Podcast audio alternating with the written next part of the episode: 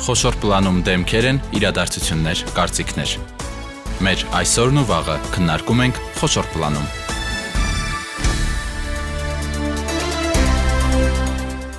Բարի երեկո, դուք միացել եք Հանրային ռադիո երիտասարդական ալիքին։ Այսօր 5 շաբթի է, սա նշանակում է, որ եւս մեկ արդիական թեմա քննարկելու ենք խոշոր պլանում։ Մեր երկրում կորոնավիճակագրությունը գնալով առավել անհանգստացնող եւ լարված է դառնում։ Այս շաբաթ ունեցանք օր, երբ ընդամենը 24 ժամում մահերի ռեկորդ գրանցվեց, ամբողջ համավարակի ընթացքում նման թիվ չէր եղել 57 մահ։ Ինչ կարող ենք մենք անել հասարակ քաղաքացիները եւ բժիշկները, ոլորտի մասնագետները, որ เป զի հնարավորինս փորձենք փոխել այս թվերը եւ մարդկային կյանքեր փրկվեն։ Այսօր լսելու խոսելու ենք հենց երիտասարդ մասնագետների, մեր տաղավարում են Երևանի Պետական Բժշկական Համալսարանի շրջանավարտ Կարիերայի կենտրոնի ղեկավար Խաչատուր Մարկարյանը, Խաչատուր բարև ձեզ։ Շնորհակալ եմ, որ ընդունեցիք մեր հրավերը, եւ նույն համալսարանի դոցենտ, տեղագետ, հանրային առողջապահության կազմակերպիչ Մարտա Սիմոնյանը, Մարտա բարև ձեզ։ Բարև ձեզ։ Շնորհակալ եմ, որ ընդունեցիք մեր հրավերը։ Եթե առաջին հարցը հենց այդպես էլ ձևակերպենք, ինչ կարող ենք անել մենք եւ դուք բժիշկներդ, որպեսզի այս վիճակագրությունը փոխվի։ Իրականում բանաձևը շատ པարզ է, մարդկությունը կարծես թե գտել է լուծումը,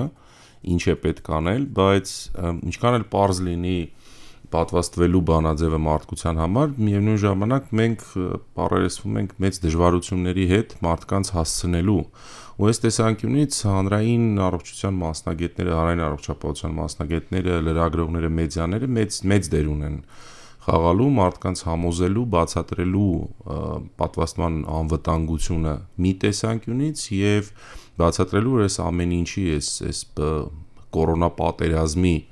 ավարտը շատ པարզ է, ընդհանրապես պետքա գնալ տեղամասային պոլիկլինիկա, պատվաստվել եւ դադարեցնել այս ամեն ինչը։ Մարտա դուք որպես հանրային առողջապահության կազմակերպիչ շաբաթներ առաջ արդեն པարզ էր, որ մենք այս օրերին ունենալու ենք այսքան լարված իրավիճակ։ Այո, իրականում ամիսներ առաջ էր པարզ, որ եթե չպատվաստվենք, մենք ունենալու ենք նման պատկեր, հաշվի առնելով ակտիվ հասարակական, սոցիալական կյանքը մեր երկրում, որը այսպես թե այնպես այլևս հնարավոր չէ կանգնեցնել եւ դադար տալ դրան։ Եվ երբ որ մենք տարի ու կես առաջ առաջի դեպքեր ունեինք կ ូវ իդի եւ քննարկում էինք թե երբ այս ամենի վերջը կլինի, մեր բոլորիս խոսքը միաձայն էր եւ ասում էինք, որ այն ժամանակ երբ կլինի պատվաստանյութ։ Այսօր հասել ենք նոնսենս նոյնսենսի, երբ պատվաստանյութ կա եւ մեկը չէ, այլ մի քանիսը եւ չգիտես ինչու մեր երկիրը դարձել է այն եզակիներից, որտեղ բավականին դժվար է աճում պատվաստվածների քանակը, բայց ի հակադրումը դրան շատ արագ աճում է եւ մահացությունը եւ տարածվածությունը հիվանդության։ Ոստի այստեղ երկրորդ տարբերակ ուղակի չունենք եւ այն մարդիկ, ովքեր ինչ որ տարատեսակ հերհուրյանքներ են տարածում, ես ուզում եմ ուղղակի իրենց հարցնել, իրենք ինչ տարբերակ ունեն։ Եթե կա այլ երկրորդ ավելի ռացիոնալ տարբերակը, միգուցե իրենք ավելի շատ բան գիտեն, բայց այսօր մասնագետների կողմից ընդամենը մի տարբերակ կա՝ պատվաստվելը պատվաստվել է եւ ցավով պետք է արձանագրեմ, եթե մենք վաղ ամբողջ ազգով պատվաստվենք, միևնույն է մենք չենք կարող այս պահի այս շղթան կոտրել, որովհետեւ այսօր ունենք գերհագեցած հիվանդանոցներ, տներում բուժվող բազմաթիվ պացիենտներ, մի քանի հազարի հասնող, ուստի այստեղ մենք նույնիսկ այդ դեպքում, եթե հեքիաթային կերպով վաղը բոլորը պատվաստվեն նրանք, ովքեր չեն պատվաստվել, միևնույն է մենք այդ շղթան բավականին ժամանակ է անհրաժեշտ լինելու, որովհետեւ մենք կարողանանք կոտրել։ Իսկ չկոտրելու պարագայում ուղակի հույս ունենալ, որ հենց այնպես կոտրվելու է շղթան, վստահեցնում եմ ձեզ, դա անիմաստ է, որովհետև տարածվելու է նոր շտամեր են լինելու, նոր վարակներ են իհայտ գալու եւ այս ամբողջ գործընթացը մենք պետք է կամ ընդունենք այս տեսակով, երբ ունենում ենք ռեկորդային մահերի քանակ, կամ պետք է պատվաստենք։ Ընկերներ, դավադրության տեսություններին առաջին հայացքից ավելի շատ ավակ սերունդն է հավատում, ինչ որ նաեւ օբյեկտիվ պատճառներ կան, համացանցային գրագիտություն եւ այլն նրանց կարծես ավելի հեշտ է խაფել եւ մոլորեցնել։ Ինչ է ձեր շրջապատում կատարվում։ Երիտասարդները գիտակցում են պատվաստման կարեւորությունը եւ այդ դավադրության տեսություններին տուրք տալիս են թե ոչ, Խաչատուր։ Իրականում ասեմ, եթե ես իմ շրջապատի մասին խոսեմ, ապա կարծես թե ամեն ինչ նորմալ է, որովհետեւ մեծամասամբ որովհետեւ մեծամասամբ պատվաստված են ու ասեմ ավելին առաջամարտիկներից էին պատվաստումների mm -hmm ասեմ ավելին անգամ այն ժամանակ, երբ որ լուրջ հարցեր էին բարձանում համաշխարհային մակարդակով այս կամ այն պատվաստանյութի անվտանգության հետ կապված։ Այստեղ խնդիրը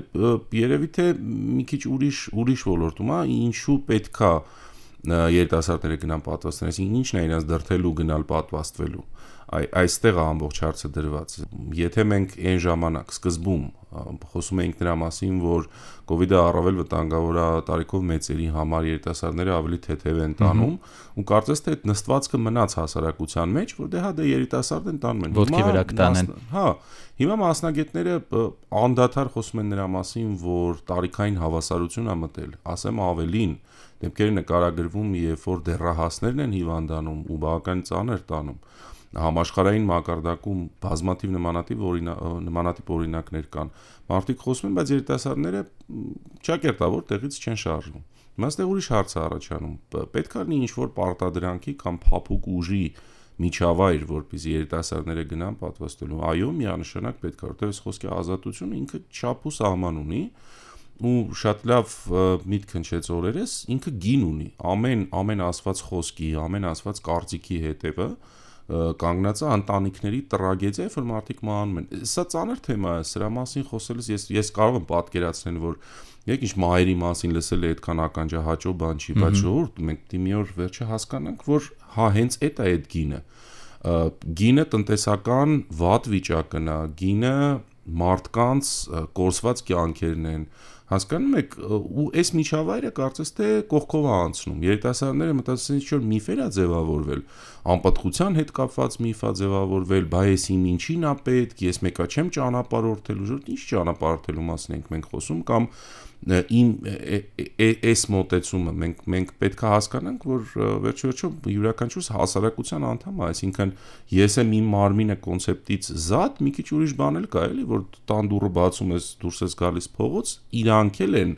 քո իրանք են քո հասարակությունը, իրանք էլ են քո ընտանիքի անդամը։ Սա մի տեսանկյունից եւ յուրաքանչյուրը սա կրում պատասխանատվություն դիմացինի համար, ինչքան էլ դա դժվար է բացատրել մարդկանց։ Բայց այնուամենայնիվ թե այս կոնցեպտը չի լում տեղ հասցնել, ապա մենք պետքա գանք վերջի մի կետի, երբ որ այդ փափուկ ուժի կիրառումը կլինի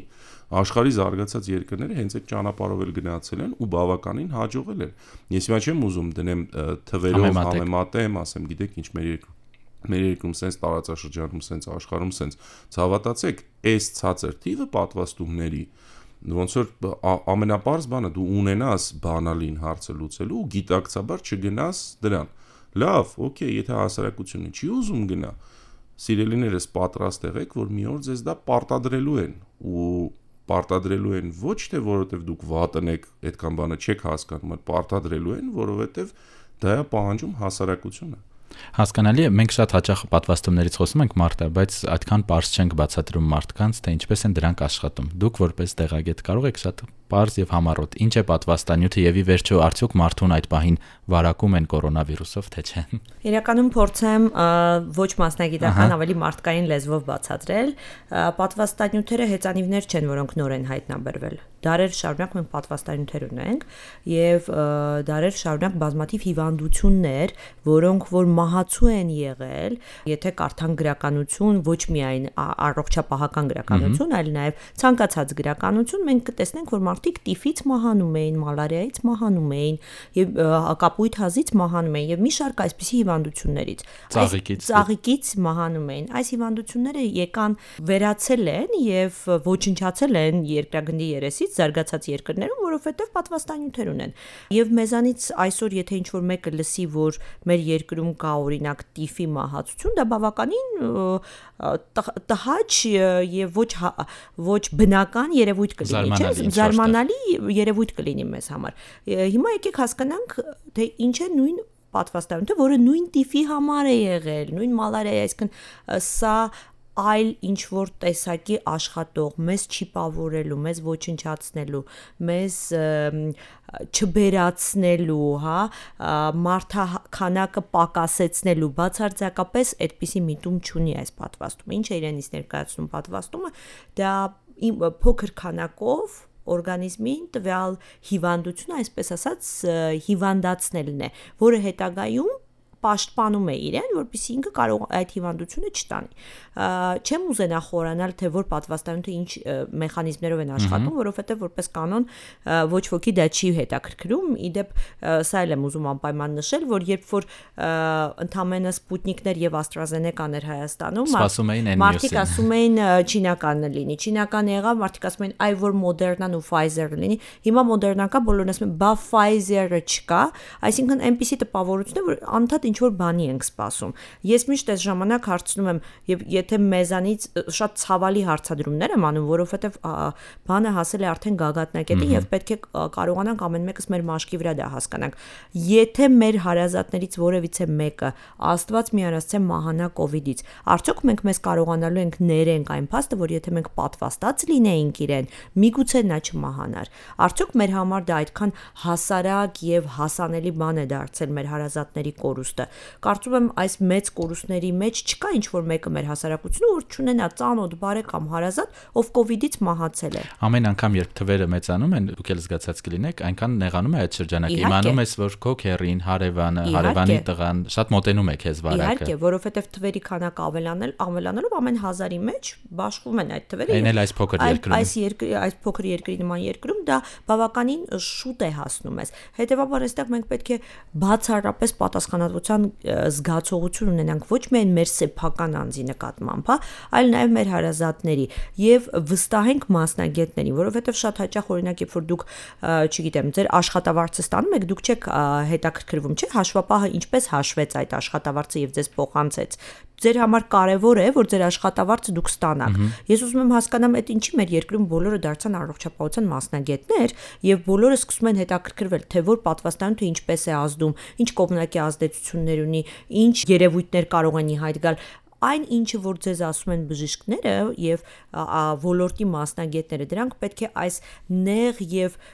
շատ սուղ առողջապահական պայմաններում կարողանալ գիտություն ընդունել եւ կարողանալ ի կատարածել, հա, որովհետեւ Ի վերջո ամբողջ երկրում է, ոչ միայն Հայաստանում, աշխարհում են բոլորին պատվաստում եւ հայերին թվում է թե այս ամենը միայն մեր ազգի դեմ է։ Մի հետաքրքիր հետազոտություն եմ կարդացել օրերս, որ այն երկրները, ովքեր որ շատ են օգտվում այն երկրները, որ բնակչության վրա սոցիալական ցանցերը մեծ ազդեցություն ունեն, այնտեղ պատվաստումների թիվը բավականին ցածր է եւ ուղիղ հակառակը, այնտեղ որտեղ որ մեծ ազդեցություն չունեն, այսինքն սա գալիս է ապացուցելու, որ մենք մեդիա գրագիտությունից բավականին հեռու ենք։ Եվ այստեղ եւ լրագրողները եւ մասնագետները բոլորն իրենց դերն ունեն իրականացնելու եւ պետք է հասկանալ, որ ամեն մի ասված խոսքի, գրված կոմենտի, արտահայտված մտքի համար մենք պատասխանատվություն պետք է կրենք, որովհետեւ հենց այնպես խոսքեր աճ ու ձախ շռայլելը կարող է մարդկային կյանքեր արժանալ։ Մարտա, դուք նշեցիք հիվանդություններ, որոնք դարերի ընթացքում հաղթահարվել են պատվաստանյութերի միջոցով։ Մարդկանց մոտ ինչ որտեղ նաև օբյեկտիվ հարց է առաջանում, որ այդ հիվանդությունների դեմ պատվաստանյութի ստեղծումը երկար ժամանակ է տևել։ Ինչպես եղավ, որ կորոնավիրուսի պատվաստանյութը, ասենք, ամիսներ անց արդեն պատրաստ էր։ Իրականում այստեղ երկու փաստեր կարող են բերել։ Նախ ոչ մի պատվաստանյութ հենց այնպես երկար ժամանակահատվածում չի ստեղծվում։ Բոլոր պատվաստանյութերը ստեղծվել են պահանջարկից ելնելով։ Եղել է հիվանդությունը, անհրաժեշտ է եղել արագ ստեղծել պատվաստանյութը։ Բնականաբար տարիները անցնում են, գիտությունը զարգանում է եւ ավելի շատ ավելի արագ է ձևավորվում։ Մենք գրեթե 8-10 ամիս մեզ անհրաժեշտ եղավ, որպեսզի պատվաստանյութ ստեղծենք։ Եվ երկրորդը, որը կարող ենք ելի քննարկել, կարծում եմ པարզ է, չէ, որ սա լաբորատոր վիրուս էր։ Եվ པարզ է, որ վիրուսի ստեղծման ընթացքում հնարավոր է նաև պատվաստման ստեղծման գործընթաց։ Իսկ մենք ինչ գիտենք, քանի ամսում է պատվաստանյութը ստեղծվե։ Եվ եթե մենք ունենք արդեն հետազոտություններ, որոնք ասում են եւ ցույց են տալիս, թե ինչքան է նվազեցնում մահացությունը եւ հիվանդացությունը, դա արդեն մեր համար պետք է լինի ցուցանիշ։ Մենք այսօր երբևէ չենք կարող ասել, որ օրինակ այս պատվաստանյութը մեզ կպաշտպանի տվյալ հիվանդությունից 5 տարով, բայց մենք կարող ենք ասել կպաշտպանի օրինակ ենթադրենք 6 ամսով, 8 ամսով, որովհետեւ այդ ժամանակահատվածը մեզ համար արդեն անցել է եւ մենք կարող ենք դրա արդյունքները տեսնել։ Եվ նաեւ շատ կարեւոր է, որpիսի մենք հասկանանք, որ պատվաստանյութերի այս գործընթացը պետք է լինի մեր կուլտուրայի մեջ, հա, մեր պրիորիտետների մեջ, որովհետև պատվաստված երկրները, եթե ուսումնասիրենք դրանք աշխարհի զարգացած երկրներն։ Խոսքը ոչ միայն կորոնավիրուսի մասին է, չէ՞։ Իհարկե, ընդհանրապես, որոնք որտեղ որ երբևէ ոչ մի այսպիսի հիստերիաներ չի լինում պատվաստանյութերի նկատմամբ։ Սա ինֆեկցիոն հիվանդություն է, լայն տարածում ունի եւ մենք այս միջոցով ենք կանգնել ենք կոլապսի առաջ, երբ ունենք բազմաթիվ թվեր, մահացություններ, հիվանդություններ, բայց նույնը կարող եմ ասել այն հիվանդությունների պատվաստանյութերի վերաբերյալ, որոնք որ մահացու չեն այդ պահին, այսինքն կարճաժամկետ ժամանակահատվածում կտրուկ տարածում չունեն ինֆեկցիոն հիվանդություններ չեն, բայց ելի երկարատև գործընթացի համար շատ կարևոր են եւ այնտեղի պատվաստանյութերն էլ են կարծես շատ արհամարված։ Ոստի մենք պետք է մեր մտածելակերպի մեջ փոփոխություն մտցնենք, որպեսզի պատվաստանյութերը այո։ Խաչատուր, մեկ այլ հարց էլ, որ հաճախ մեկնաբանություններ մարդիկ տալիս են, տեսեք ամեն օր ասվում է, որ բարձրացավ պատվաստումների թիվը, օրինակ 700.000-ը անցել ենք։ Ինչու են շարունակում այդքան մարդիկ վարակվել եւ մահանալ։ Պատվաստանյութը այս հիվանդության պատվաստանյութը ի տարբերություն մնացած մեզ ծանոթ պատվաստանյութերի, այսպես ասած, ունի մի հատ փոքր առանձնահատկություն։ Եթե օրինակի համար բնական ծաղիկի պատվաստանյութը օգնում է, որպեսզի բնական ծաղիկը չհիվանդանան, կորոնավիրուսի պատվաստանյութը չի օգնում չհիվանդանալուն։ Ինքը որոշակի չափով պահում է հիվանդանալուց, որոշակի քանակով, իսկ այդ որոշակի քանակը մոտ 100 անգամ է, նվազեցնում է հիվանդության ծանր ընթացքը ու ելի մի փուճուր չափով, որը կոչվում է 1000 անգամ, նվազեցնում է մահանալու հավանականությունը։ Այսինքն վարակվելուց ինքը չի չի պաշտպանում ու հենց այստեղ կազուս է առաջանում որտեղ մարդիկ սովոր են ասում լավ եւ պատվաստեցի ուրեմն զերծ եմ ես հիվանդությունից սա մի կողմն է մյուսը նույնպես էլի նույն մեդիա մեդիա քարոզի հարցն է առաջանում Գիշեք, երբ որ պատվաստանյութերը նոր էին եղել, մենք քննարկում ենք, ասում ենք պատվաստվեք ու մի կրեք դիմակ։ Հիմա արդեն ասում ենք, չէ, ժողովուրդ, պատվաստվեք, կրեք դիմակ։ Ինչու։ Ու մարդը կենսական անհրաժեշտությունը պատվաստելու նույնպես էլի կորցնում է։ Սա սա մի պատմությունն է, թե ինչի չեն գնում պատվաստելու։ Տվել եմ ասում, այդ աչքի առաջ երևացող պատճառը կորում է ցավոք սրտի։ Սա մի պատմություն։ Եվ երկրորդ երկրորդը երկրորդ ասպեկտը էս հարցի ինքը նորից եմ ասում պատվաստանյութը չի 100%-անոց արդյունք տալիս չվարակվելու, բայց այն գինը, որը որ վճարում է մարդը, եթե նա պատվաստված չի եւ հիվանդանում է կորոնավիրուսով, շատ ավելի բարձր կարող է լինել, քան թե պատվաստված մարդ մարդու մոտ։ Այսօր օրինակ նախարարը նշեց, որ վերակենդանացման բաժանմունքում ծանր դեպքերին ամենը 5-ն է, որ պատվաստված են, այսինքն սա եւս մեկ ցուցիչ, որ պատվաստանյութը օգնում է եւ հնարավորին չափ նվազեցնում է վերակենդանացման բաժանմունքում հայտնվելու ռիսկը, նաեւ վարչապետը նշեց, որ դեռ լոկդաունի չի գնա երկիրը։ Աշխարհի փորձը ցույց տալիս է, որ լոկդաունները օգտակար էին, թե մենք պարզապես Հայաստանում տնտեսական խնդիրներից ելնելով չենք գնում այս խիստ քայլերին։ Չէ, եկեք հասկանանք ինչքան ժամանակով մենք պետք է լոկդաուն։ Օրինակ Ռուսաստանը մեկ շաբաթով մենք արդեն այն իրավիճակում ենք, որ մեզ մեկ շաբաթը չի օգնի, որովհետև այս թվերի նվազեցման համար մեկ շաբաթը բավականին փոքր ժամանակահատված է։ Այսինքն այստեղ մենք խոսում ենք այն տեսակ լոկդաունների մասին, որ փողոցում ոչ ոք չպիտի լինի բոլորը պետք է լինեն իրանց տներում եւ չտեղաշարժվեն, որը ինչպես մարտիներ օրինակ ինչպես օրինակ մարտիներ, բայց եկեք հասկանանք ինչու Ինչու պետք է դիմենք այդ մեթոդի։ Ինչու պիտի պետք է տնտեսությունը անկում ապրի, ինչու պիտի գործատուները ստիպված լինեն իրենց աշխատողներին ազատել աշխատակից։ Ինչու, եթե մենք ունենք լուծումը սրա, ինչ լոկդաունի մասն է խոսքը այստեղ համաձայն եմ Էլի Խաչատուրի ասացի հետ, որ պետք է որոշակի ստիպողաբար, հա, գործընթացներ իրականանալ։ Բողոքում են որոշակի գործատուներ, որ ամսական երկու անգամ եթե պատվաստված չես, քեզանից ՊՇՌ տեստեր են ուզում։ Այո, որովհետև ես ինքս պատվաստված եմ եւ պատասխանատվություն եմ կրում իմ եւ իմ հարազատի համար եւ ես չեմ ուզում որ այն իմ գոլեգանը որ որ պատվաստված չի ինձ բերի թեկուս թեթև հիվանդացնի եւ ես կարողանամ այդ վարակը տանեմ հասցեմ իմ մեծ հարազատներին հա այստեղ ամեն մեկս պետք է հասկանանք եւ էգոիստաբար մեր մղումներով պատասխանատու լինենք մեր սեփական առողջության եւ մեր հարազատի առողջության այո եւ պահանջատերը լինենք որ հասարակությունը եւս այդպես լինի եւ գիտեք պետք է պահանջատերը լինել, որ օրինակ հանրային տրանսպորտում կողքիդ նստածով դիմակ չի կրում, խնդրել, որպեսի դիմակը բարձրացնի։ Դու այդ տեսակով պաշտպանում ես եւ քեզ եւ իրեն։ Ես հասկանում եմ, որ մենք շատ հեռու ենք այդ ամեն ինչից, բայց դա է միակ լուծումը։ Մենք պետք է ոչ թե քայլար քայլ հասնենք դրան, մենք պետք է ուղղակի սկսենք ցածկել, որպեսի հասնենք այդտեղ։ Այո, որովհետեւ այլ տարբերակ չկա, սա սա պատերազմ է, սա առողջապահական պատերազմ է։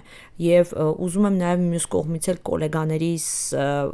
մասին առանձնացնել, որ բժիշկները անսահմանափակ չեն եւ իրենց ռեսուրսը անսահմանափակ Մենք կարծես մոռացել ենք նրանց, որովհետեւ երբ 2020-ին էր այս ամենը հերոսներ էին բժիշկները մեզ համար, շատ էր խոսվում, որ ծանրաբեռնված են հիմա, ավելի ծանրաբեռնված են, բայց ստվերում են կարծես մնացել։ Հիմա դարձել է կարծես թե դա նրանց գործն է, բայց միշտ պետք է հիշենք, որ ռեսուրսը սահմանափակ է եւ մահճակալային ֆոնդն է սահմանափակ։ Այսինքն այսօր կարող ենք օրինակ այս տարածքում բացել մեծ կ ូវ իդ կենտրոն, բայց մենք չունենանք բժիշկներ եւ բուժքույրեր, բուժանձնակազմ, ովքեր կսպասարկեն։ Հետևաբար այս պարագայում մենք արդեն պետք է պատասխանատվություն կրենք եւ հասկանանք ինչպես կարող ենք թեթևացնել մեր գոլեգաների բեռը այդ թվում եւս։ Չի կարելի էգոիստաբար միայն մոտենալ եւ պետք չի զարմանալ, որ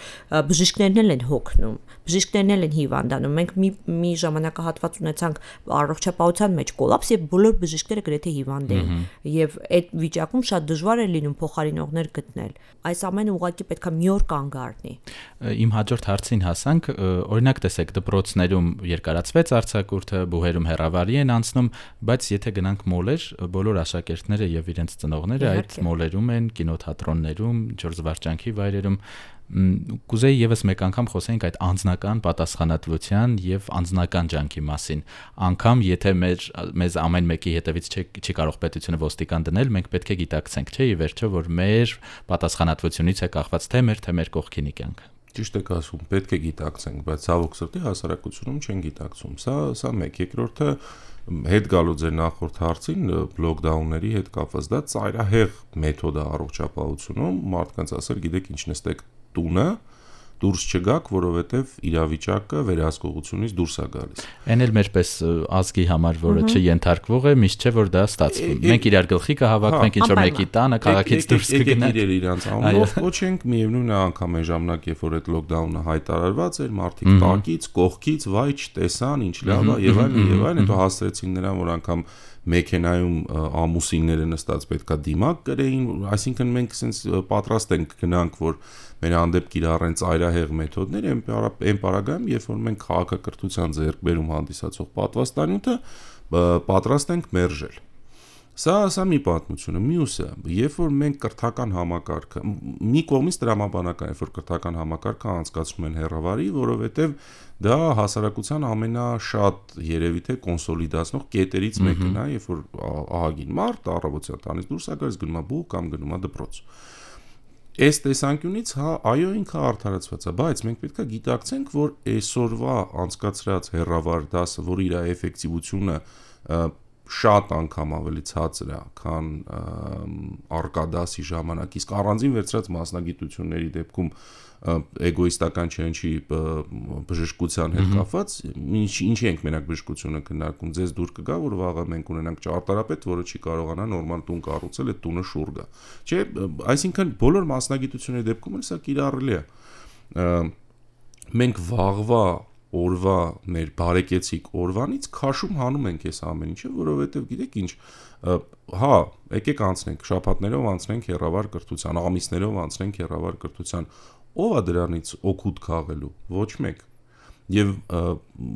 խոսքս ուղելով նույն երիտասարդներին, որոնք որ օգտվում են այս առիթից, որ գիտես ինչ դասերը հեռավարա եւ միգուցե կարելի նաեւ հանրա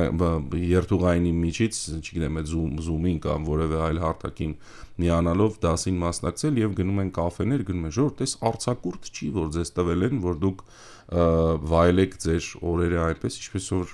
կցանկանաք։ Պետք է այդ գիտակցությունը ողել եւ սահմանափակել, մաքսիմալ սահմանափակել դուրսումներսը։ Իհարկե, այս պայի դրությամբ պետությունը չի հայտարարում, որ դա ծայրահեղ կարիքի դեպքում է միայն պետք դուրս գալ բայց ամեն մեկս այդ պարտականությունը ամեն անգամ երբ որ վեր կգնաք եւ կգնաք որևէ տեղ սուրճ խմելու, երկու անգամ ավել մտածեք, ձեզ դա պետքա թե պետք չի, եւ դուք պատրաստ եք ձեզ վտանգի ենթարկեք։ Ձեր եւ ձեր ընտանիքին։ Ձեզ եւ ձեր ընտանիքի։ Ես իհարկե շատ արդեն գնալով հերվանում եմ այն մտքից, որ մարդիկ ընտանիքի հանդեպ են պատասխանատվություն կրում այն աստիճանի, որ աշճանի, որ մենք ենք մեզ դա պատկերացնում կամ հասարակության կամ մնացածի ժողով, դուք ձեր հանդեպ երկու անգամ ավել մտածեք։ Դուք ուզում եք շատ կներեք շատ վատ հանչելու, երբ որ մենք ասում ենք վերակենթանացման բաժին, շատ վատ ենք մեզ պատկերացնում վերակենթանացման բաժինը, դա որն է։ Սուրճ խմելուց առաջ երկու անգամ ավել մտածեք, դուք կցանկանաք հայտնվել մի իրավիճակում, երբ որ 20 սանտիմետրանոց խողովակը մցնեն ձեր կոկորտը ու սկսեն ձեզ արեստական շնչացնել, որովհետև դուք ի վիճակի չեք սեփական ուժերով շնչել։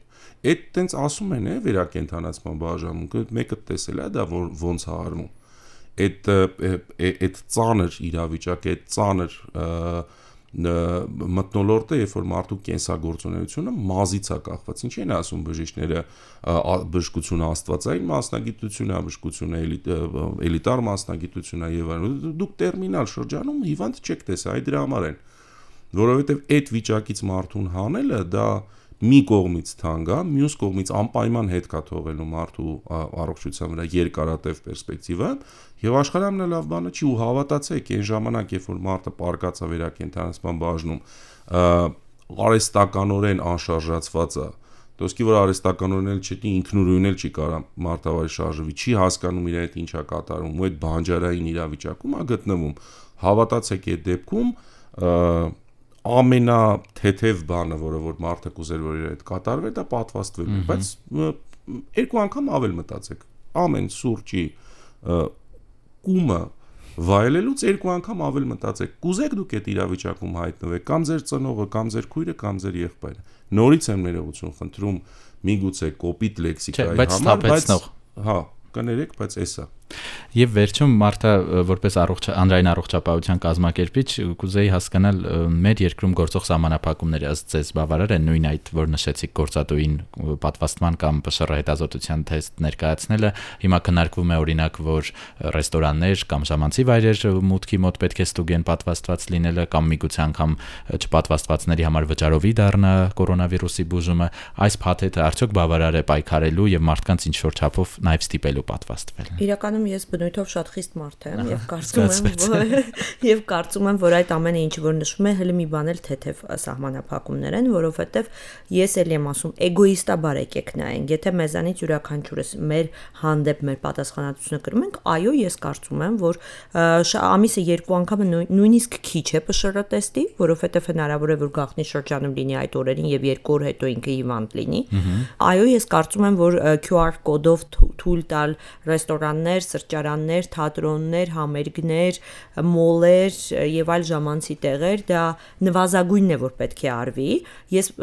Պարզ հասկանում եմ, որ ինքը նաև կազմակերպչական եւ լոգիստիկ տեսակետից բավականին ծանր եւ դժվար գործընթաց է, բայց միևնույն է, մենք պետք է կարողանանք համատեղել մեր բոլորի ջանքերը եւ կազմակերպել այդ ամեն ինչը, որpիսի այս կամ այն կերպ այդ սահմանափակումները գոնե բերեն նրան, որ մարդիկ պատվաստվեն, որովհետեւ ես գիտեմ բազմաթիվ մարդկանց, ովքեր որ պատվաստվել են զուտ նրա պատճառով, որտեղ գործատուները իրենցից տեստ էին ուզելու։ Այսինքն ստացվում է, որ եթե պատվաստանյութը անվճար է, իսկ բշրը տեստը վճարովի է, ապա մարդ նախընտրում է անվճար տարբերակը պատվաստվելը։ Շատ կարճաժամկետ մտածելակերպով չհասկանալով, որ ոչ թե ինքը պատվաստում է, որ 20 կամ 30000 դրամը գործադուին համար չվճարի, այլ պատվաստում է համար, որ ինքը իր առողջությունը պահպանի։ Այստեղ այո, ես կողմնակից եմ բոլոր տեսակի խիստ մեթոդներին, իհարկե գիտեմ, որ այստեղ մեզ շատ կքննադատեն մեր նրանք, ովքեր մեզ լսում են եւ այս այսպիսի դեպքերում միշտ մեզ ասում են, որ օբյեկտիվ չենք եւ դա իրենց իրավունքն է, իրենց մարմինն է եւ այլն, բայց արդեն անցել է այդ ամենը լսելու ժամանակը։ Պետք է անցնենք, ել եմ ասում, մի քայլ առաջ անցնենք այս ամեն ինչից եւ հասկանանք, որ այստեղ մենք երկրորդ տարբերակ չունենք։ Միակ տարբերակը այս արատավոր շղթայից մահերի եւ հիվանդացությունների դուրս գալ եւ պատվաստվելն է եւ հիշել են կյանքը, որը եղել է միգուցե մեզ դա միայն սփոփի, որ հիշել որ կ ូវ իդից առաջ ինչպիսի կյանք ենք ունեցել։ Չենք ուզում արդյոք Darna Light Gankin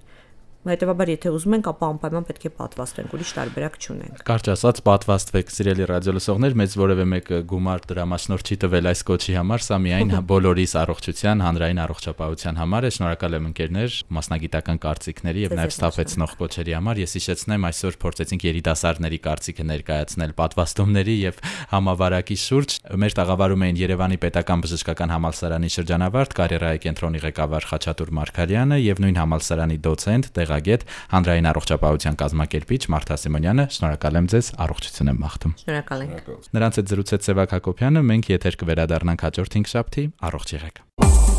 Խոսոր պլան։ Իմ ռադիոյի եթերում։